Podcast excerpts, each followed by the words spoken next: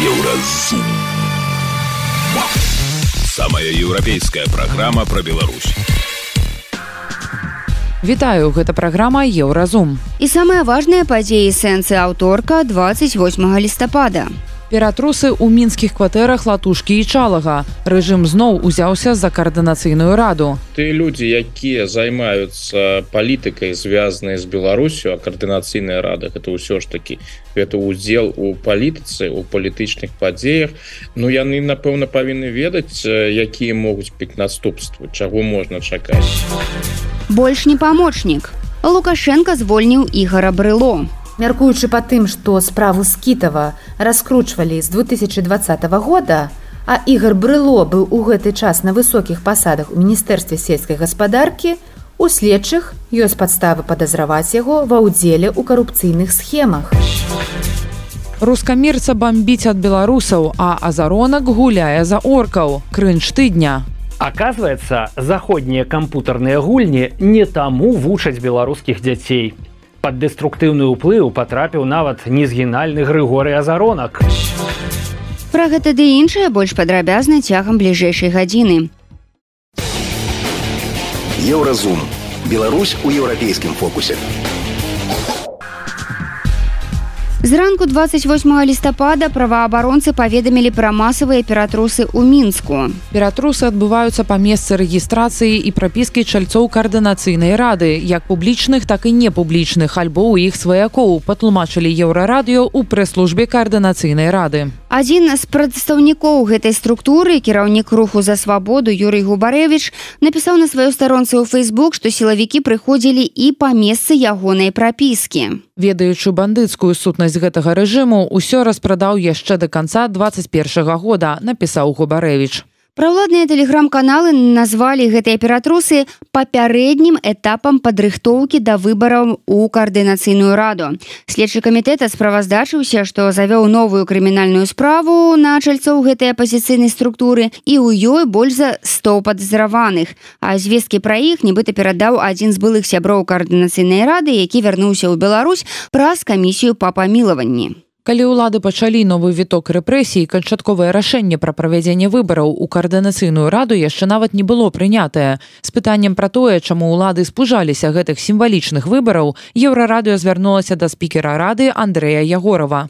Па яго словах цытата улады лічаць выбары ў каардынацыйную раду відавочна сур'ёзным выклікам для іх нават разумеючы што каардынацыйная рада і ўсе дэмакратычныя сілы ўнутры беларусі маюць значэнне толькі як сімвалы супраціву і не маюць рэальнай улады яны апасаюцца любой альтэрнатывы і ўсё ж навошта граміць кватэру незалежнага аналітыка Сергея чалага пужаць сваякоў людзей якія тры гады таму з'ехалі з краіны і ніякай фізічнай пагрозы рэжыму не нясуць? Пра гэта ды іншае наш рэдактор змейсер лукашук пагутарыў з гісторыкам і палітычным аглядальнікам александром фрыдманам. Добрый дзень спадар александр добрый день спадар Зміцер, вітаю Як вы лічыце ці варта верыць па-першае таму што нібыта хтосьці там сябраў каардынацыйнай рады вырашыў праз гэтую ўжо стаўшую міфічнай полуміфічнай камісію па вяртанні вярнуўся ў Беларусі прывёз з сабой у якасці адкупнога спіс ўсіх удзельнікаў каардынацыйнай рады.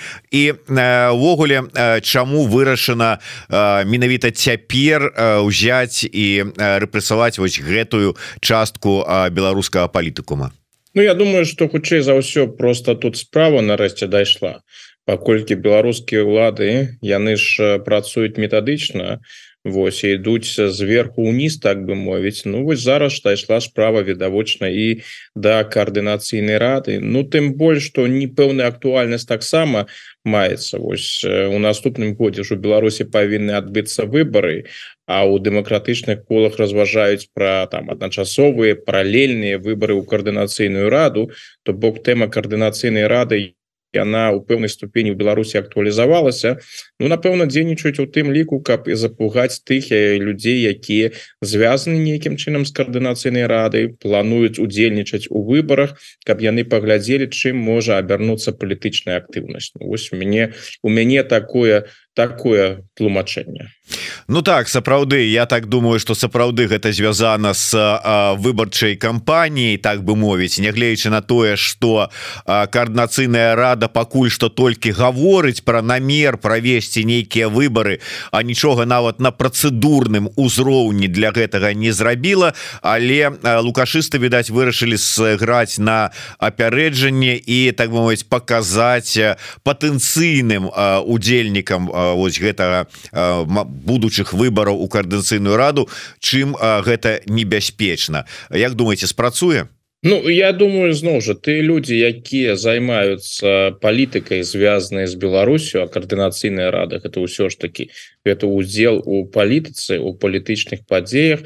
Ну яны напэўна павінны ведаць якія могуць піць наступствы чаго можна чакаць что можа адбывацца з тымі людзьмі якія у іх засталіся у Беларусі. Іншае Так что я думаю что тыя люди якія ўсё роўна вырашылі пайсці ў гэтую палітыку і займацца гэтай палітыкай яны будуць працягваць гэтым займацца Ну а тыя люди якія ну меркавалі напэўна і там і там быць можа і удзельнічаць але асабліва не рызыкаваць яны напэўна будуць думаць і хутчэй за ўсё ўсё ж таки ў палітыцы такой актыўнай дзейнічаць не будуць.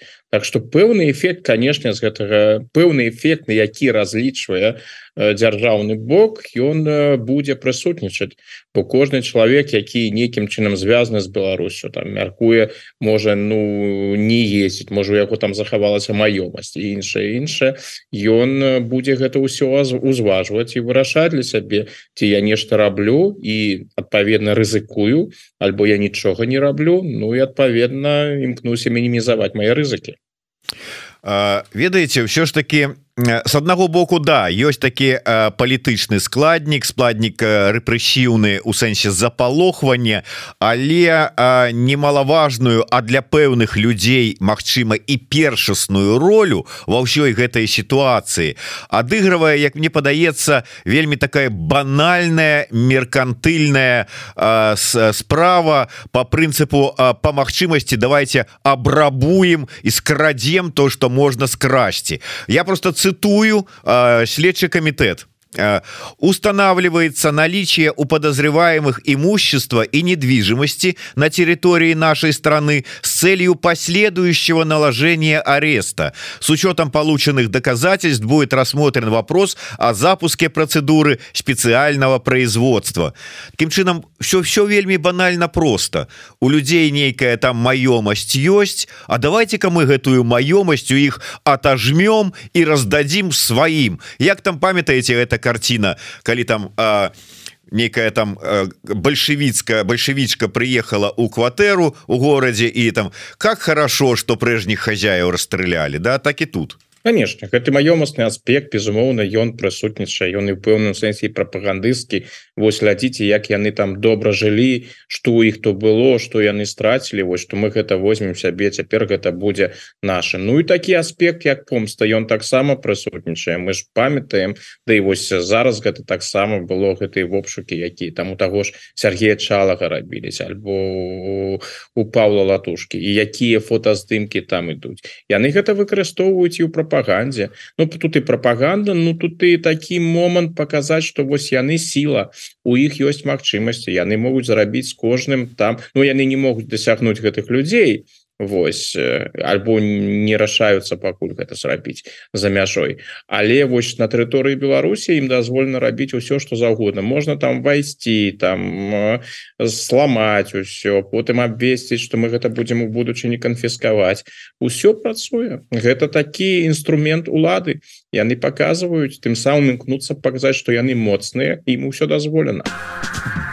Працягваем размову з Александром Фрыдманам бачце пачалося ўсё як пераслед удзельнікаў сябраў коорднацыйнай рады але я гляжу что паступова хутчэй за ўсё гэта пойдзе шырэй тому что ну на сёння калі браць 8 там нібыта перадалі спіс сябраў коорднацыйнай рады сённяшняга коорднацыйнай рады. Але там удзельніч ўжо ў спісе ёсць той же самы Павел латушка. то які ў сёння сябрам коорднацыйнай рады не з'яўляецца. Толькі што апублікавалі фото с ператрусу у кватэры Ганны красулінай прэс-сакратаркі ціхановскай якая таксама сябрам каардынацыйнай рады на сёння не з'яўляецца. Ось гэта как бы подстава просто для того каб вот такі шырокі хвалю ператрусаў с аджыма аджым отжымам маёмасці правесці Ну я б сказал что все гэтые гаворки про тое что им нехта перадаў нейкі спіс Ну гэта досыць прымітыўна ў сённяшніх у сённяшніх условиях у умовах.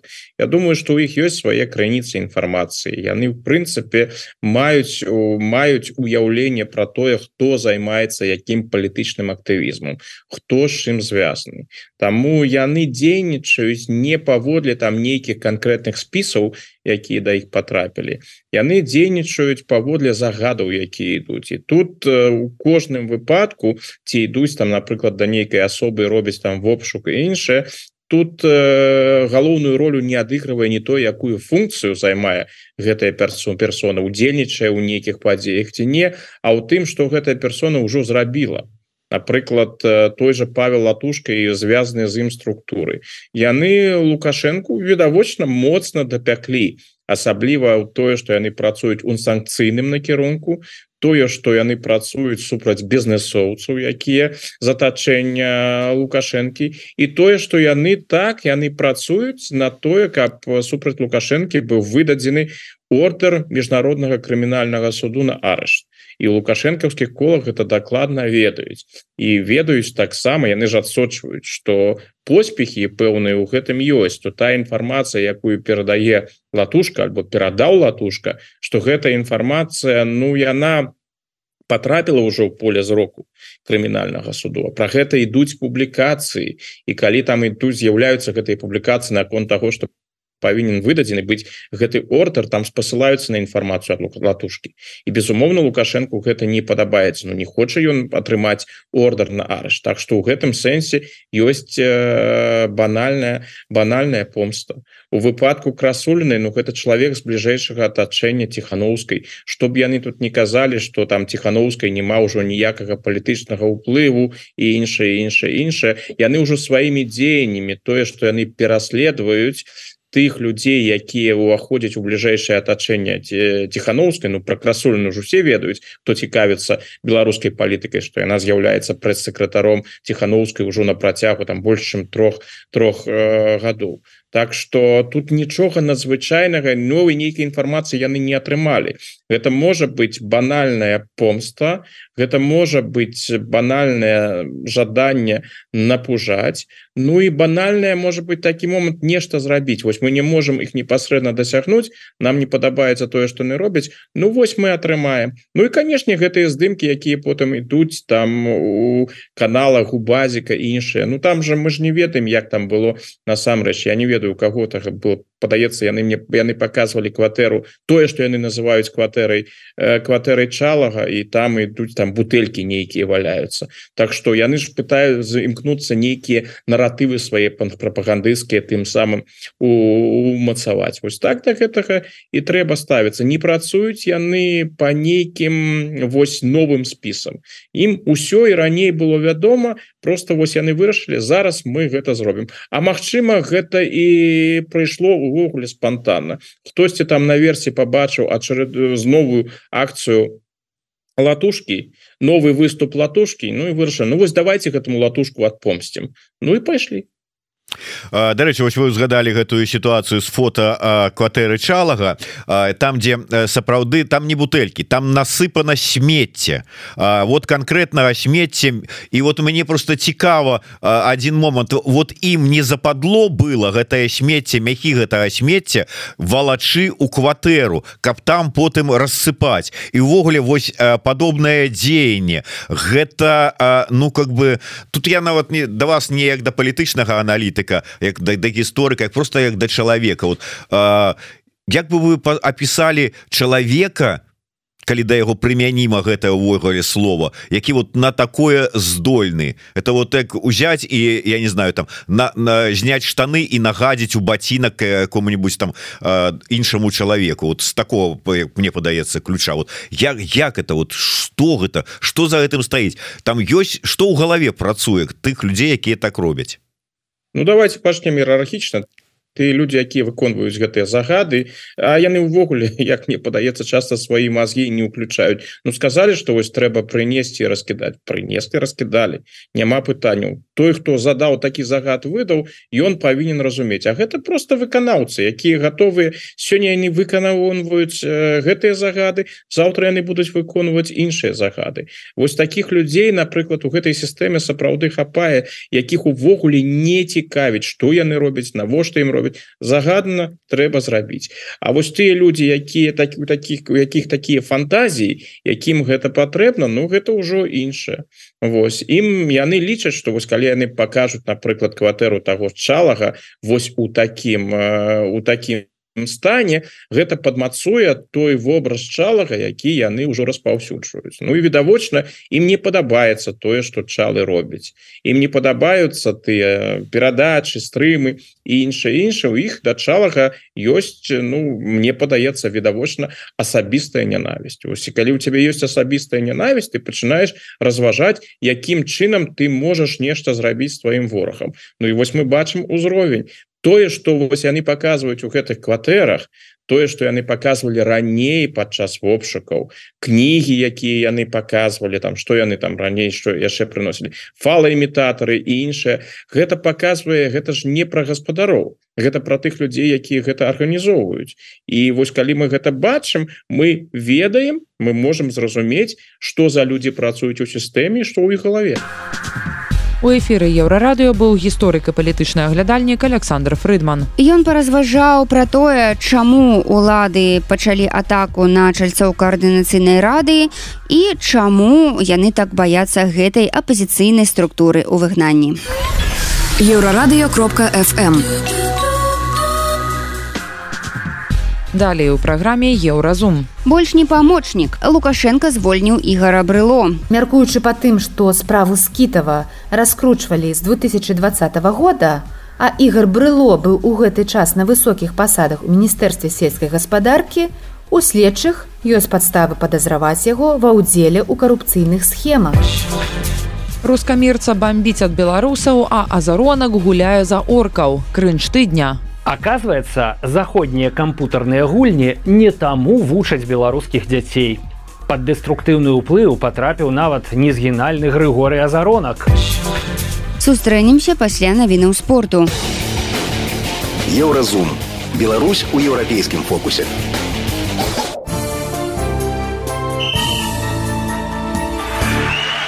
На еўрарадыё навіны спорту чэмпіянаце кхл калгары за які выступае ягор шарангович выйграў у авертаймсе у вегаса аднаго з лідараў 21 беларускі хакей справіў на лёдзе рэкордны для сябе часу гэтым сезоне. Амаль 22 хвіліны зрабіў 7 кіткоў 5 з якіх у створ.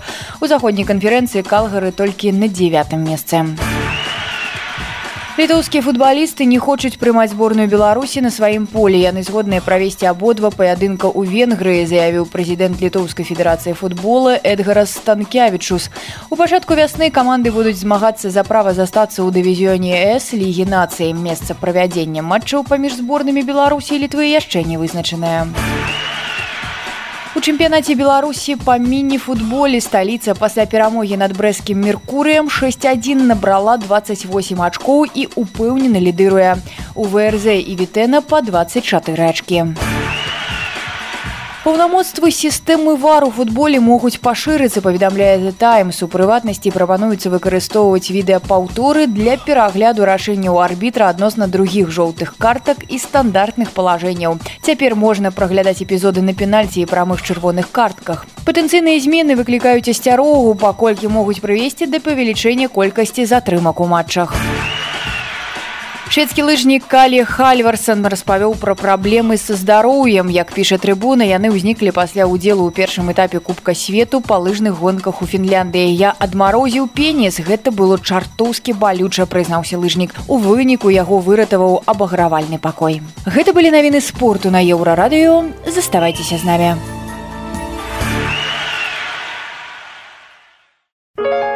еўра радыё моц настрою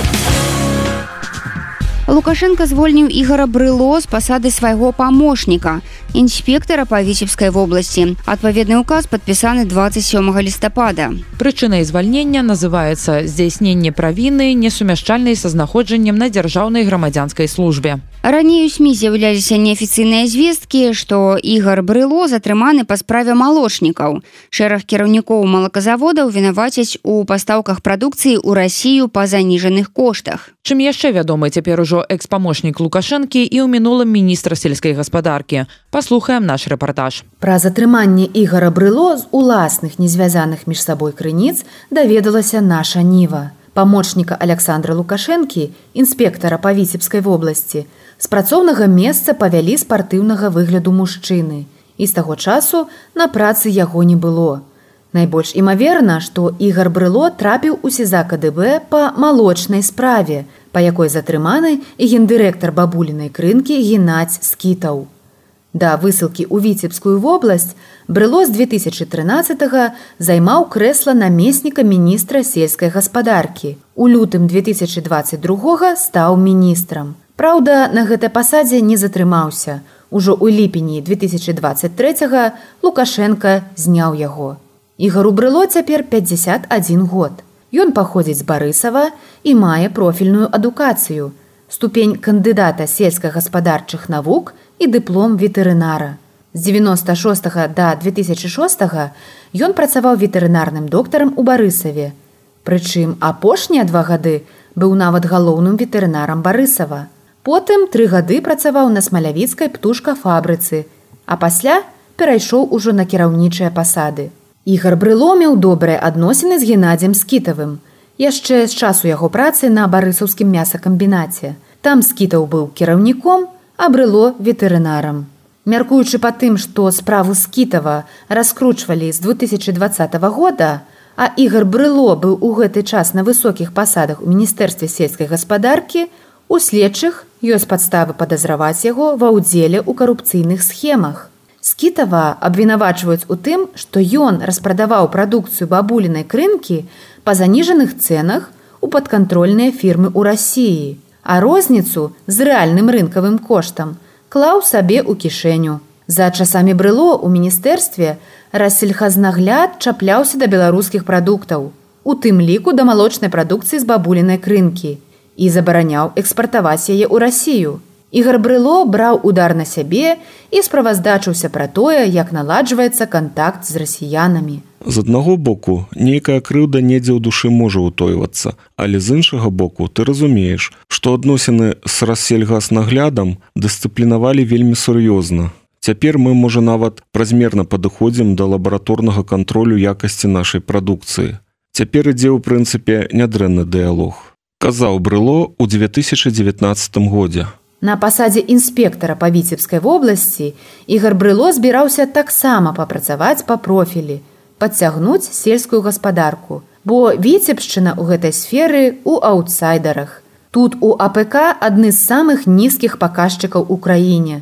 Мала малака, падае колькасць быдла і птушкі і дрэнная ўраджайнасць у культур. Брыло збіраўся за тры-чатыры гады выправіць гэту сітуацыю. Але цяпер ужо і невядома, ці вернецца ён да працы. Служба інфармацыі еўрарадыё. Не так даўно саратаўскія фермеры паскардзіліся на пастаўшчыкоў беларускай малочкі. Маўляў, мясцовыя прадпрыемствы закупляюць яе па сабе кошце ў той час, калі мясцовыя аграрыі нясуць велізарныя страты. Ці можа быць неяк звязаная новая гучная карупцыйная справа малочнікаў са скаргай саратаўчан. Сітуацыю YouTube каналу абычнае утро каментуе эканаміст Ярослав Романчук полный абсурд в России, где человека превращают в мусор, в пушечное мясо, загнали его под плинтус, и вдруг глаз народа стал основанием для разборок, причем на такой теме, как антимонопольное регулирование и демпинг. Что такое демпинг? Надо провести расследование, доказать, что цена внутреннего рынка в Беларуси отличается от цены, по которой это самое молоко продают в Россию. Это же не просто так взял там э, людям, фермерам показалось началась. Это же есть процедура определенная, есть, в которых участвует в том числе белорусская сторона. И эти э, вещи мы слышим очень часто. Помните, как вот был такой же сюжет, когда белорусские власти не пустили российский сахар, потому что он был дешевле, и там установили минимальную цену на сахар. Это все чистейшей воды протекционизм, и российский, и белорусский, потому что два тоталитарных э, соседа, вот э, каждый все равно же под себя гребет. И в этом вот в таком раскладе есть межгосударственные оргпреступные или просто синдикативные группировки, которым плевать и на антимонопольное регулирование, и на все. Э, конечно же, россияне очень там зырятся на белорусскую молочку, потому что она конкурентная. Э, ей были многочисленные попытки войти в э, белорусский рынок производства молока, но Беларусь, ЗАО «Беларусь» во главе со своим начальником жестко стоит на свое, потому что они понимают, что вот называя не зря молоко белым золотом, поскольку там рентабельность хорошая, особенно если вы даете туда полтора-два процента ВВП дотаций отдельным людям, делаете перевооружение, то есть, естественно, это не рыночная конкуренция, это конкуренция ресурсов каких-то. И поскольку у нас в этом плане э, порядка как бы больше, э, контроля больше, э, есть какая-то производственно-технологическая дисциплина, вот, то, естественно, белорусское молоко – это хороший бренд на российском рынке, и оно пользуется успехом. Да, это не нравится многим российским э, производителям молока и всего прочего, и они предпринимают самые разные меры для того, чтобы не допустить вот этой самой конкуренции. Причем, заметьте, если бы там речь шла там о каких-то там вообще низких-низких ценах, разорительных, вот показали бы российская сторона, что вот в результате демпинга в кавычках белорусских производителей обанкротилось там такое-то количество э, производителей молока России, или, например, какая-то доля, бы сказали. Это какой-то факт был бы, да? А так просто там эмоциональное заявление, и вдруг это типично э, межклановая, межолигархическая борьба разных структур, а к аресту этого товарища, ну, точно не имеет никакого отношения, поскольку, опять, даже внутри Беларуси отношение к э, государственным и окологосударственным молочным производителям было такое, знаете, всегда настороженное и очень критическое, потому что они реально пользуются не рыночными инструментами, пользуются ресурсами, пользуются льготными кредитами, которые тот же, например, Савушкин продукт не мог себе позволить. Да? Э, и поэтому это вот создает э, напряжение, создает какое-то там внутри страны. И я не исключаю, что вот арест или там подвели под монастырь этого товарища как раз те самые белорусские конкуренты, которые хотели бы больше захватить рынка внутри страны и подвинуть его на российском направлении. Гэта быў эканаміст Ярослаў Раманчук, які патлумачыў, чаму справа малочнікаў выключна ўнутраная беларуская гісторыя. Еўрарадыё. Твая улюбёная хваля. Далей у праграме еўразум. Рускамерца бомбіць ад беларусаў, а азаронак гуляе за оркаў. Крынч тыдня. Аказваецца, заходнія кампутарныя гульні не таму вучаць беларускіх дзяцей. Пад дэструктыўны ўплыў патрапіў нават незгінальны Грыгоры азаронак. Сустрэнемся пасля навінаў шоу-бізу. Еўрарадыё. Твая улюбёная хваля. Шоу-біз.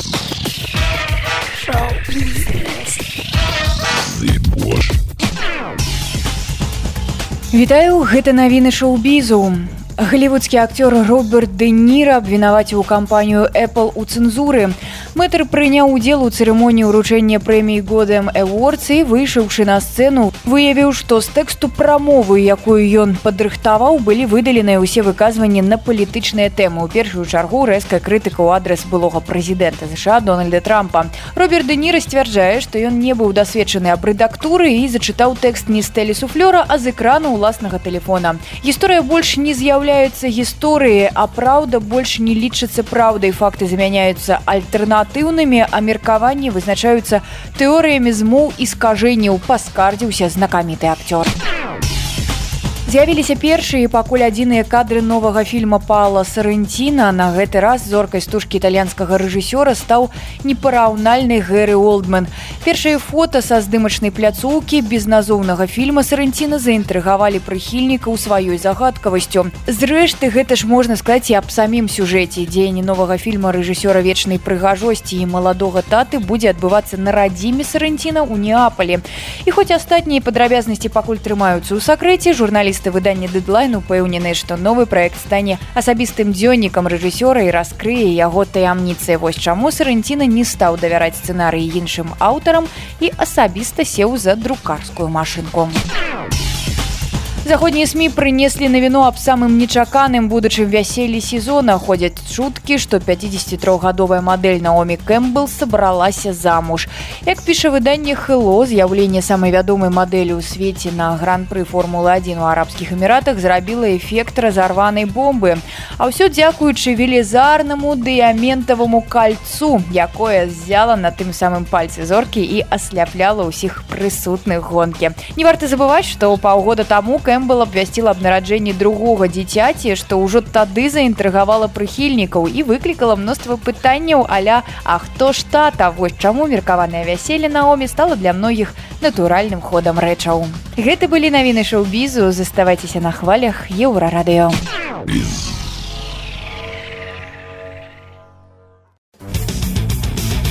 Еўразум жыві ў рытме Еўропы. У аўторак у праўладных тэлеграм-каналах з'явіліся фота разгромленых кватэр незалежнага аналітыка Сергея Чалага і прэс-сакратаркі святланы ціханаўскай Ганны красулінай. Прычым па ўсім відаць, што сцэнарысты гэтых відовішчаў вельмі стараліся.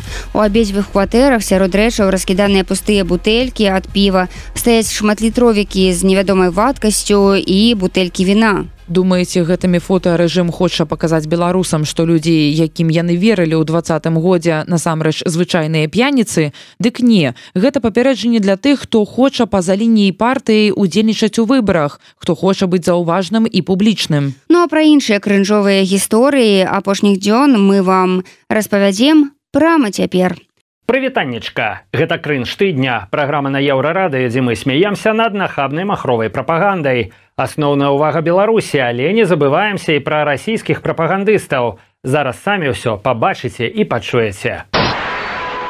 Улады прыдумалі новы спосаб зарабіць на новым годзе. У беларускіх крамах з'явіліся елачныя цацкі з дзяржаўнымі гербам і сцягам. Хіт сезона шарики з беларускай сімволікай. Ёлачная ігрушка з гербам Республікі Беларусь стоит 16 рублей, а з беларускім флагам 20. М манетызацыя. Толькі вось як бы не загрымець за краты за знявагу дзяржаўных сімвалаў, калі кот перакуліць елку і шарык разаб'ецца. Да ладно, ты што, за такое не пасадзяць. А калі твая суседка інфаказачка Бондарова і заўважыўшы аскепкі дзяржаўнага шарыка, яна накатае данос. Я б тры разы падумаў першым набываць такое ўпрыгожанне. Ці можа мужчына пайсці ў дэкрэтны адпачынак і сядзець з дзіцём? Па беларускіх законах так, але молодым белорусским политикам не до законов. Есть определенные случаи, когда, ну да, ну надо, чтобы отец был в декрете. Может быть, там болезнь супруги. Может быть, там еще какая-то неопределенная ситуация. То есть, как, Деньги, да? То есть, как, обоснование. Такой момент Но определенный, который может Не тенденция, не должна Но быть. не должно быть это тенденцией, как это идет в Европе. Для чего это делается? Для того, чтобы мужчина утратил свою роль. Для того, Обабился, чтобы ну, как я мужик сказал, да? обабился. И чтобы лет через 20-30 мужик ходил в юбке. По поводу декретов и латы папа могу ответить только одно. Надо разделять э, женскую энергию и мужскую. Мужчина – это добытчик в семье. Он должен добыть, принести, убить мамонта, принести, и чтобы жена его приготовила. Но при этом, при всем, помочь ей это сделать. Камуніст Віталь Юрасёў вось дагэтуль на мамантаў палюе. Але пры гэтым тонка адчувае свет і раздзяляе мужчынскую і жаночую энергію. Як бы не абабіўся. Пасля таго, як у мінску паставілі помнік Александру Неўскаму, прапагандысты на перабой кінуліся даказваць, што князь меў нейкае дачыненне да Беларусі. Давайте паслухаем аргументы галоўнага рэдактара газеты мінскі кур'ер Кірыла Казакова. Этот человек на территории вошел в исторические летописи. Этот человек еще в 16 веке стал святым. Этому, в честь этого святого строят памятники. И вы сейчас, простите, приходите и рассказываете, что ему не место в Беларуси, потому что он какой-то Невский. Это информационно-психологическая спецоперация. Да, спецоперация. Что московиты, назовем их так, такое, што маскавіты ўжо шмат стагоддзяў карыстаюцца імём і рэпутацыяй Александра Неўскага ў сваіх мэтах, гэта бясспрэчна.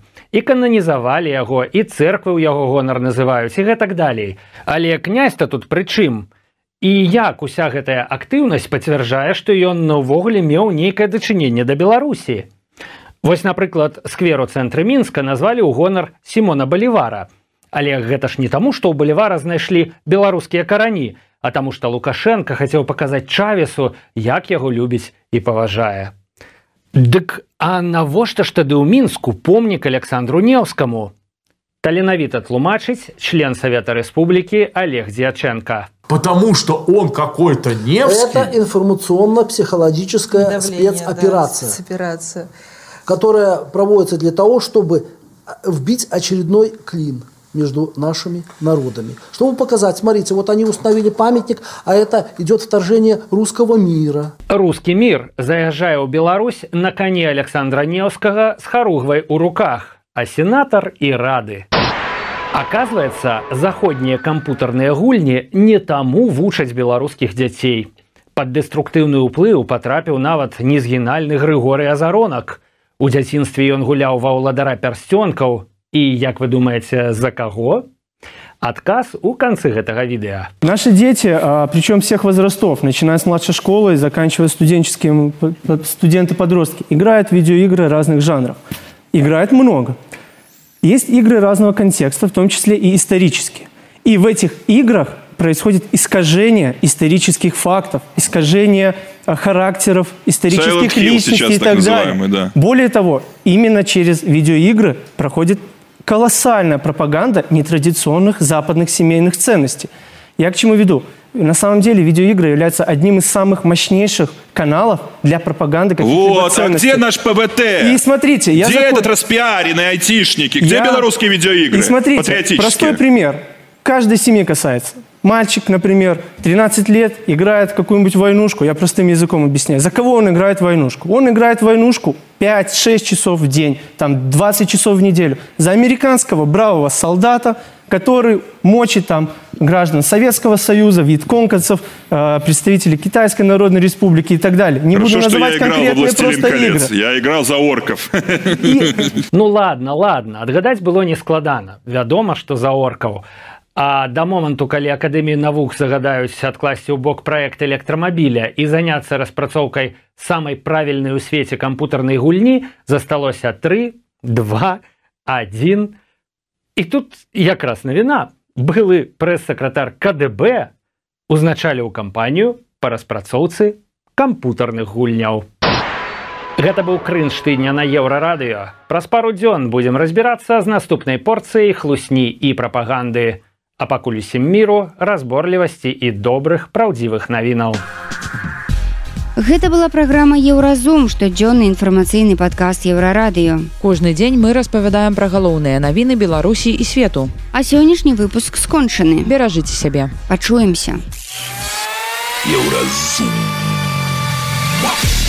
Самая еўрапейская праграма пра Беларусь.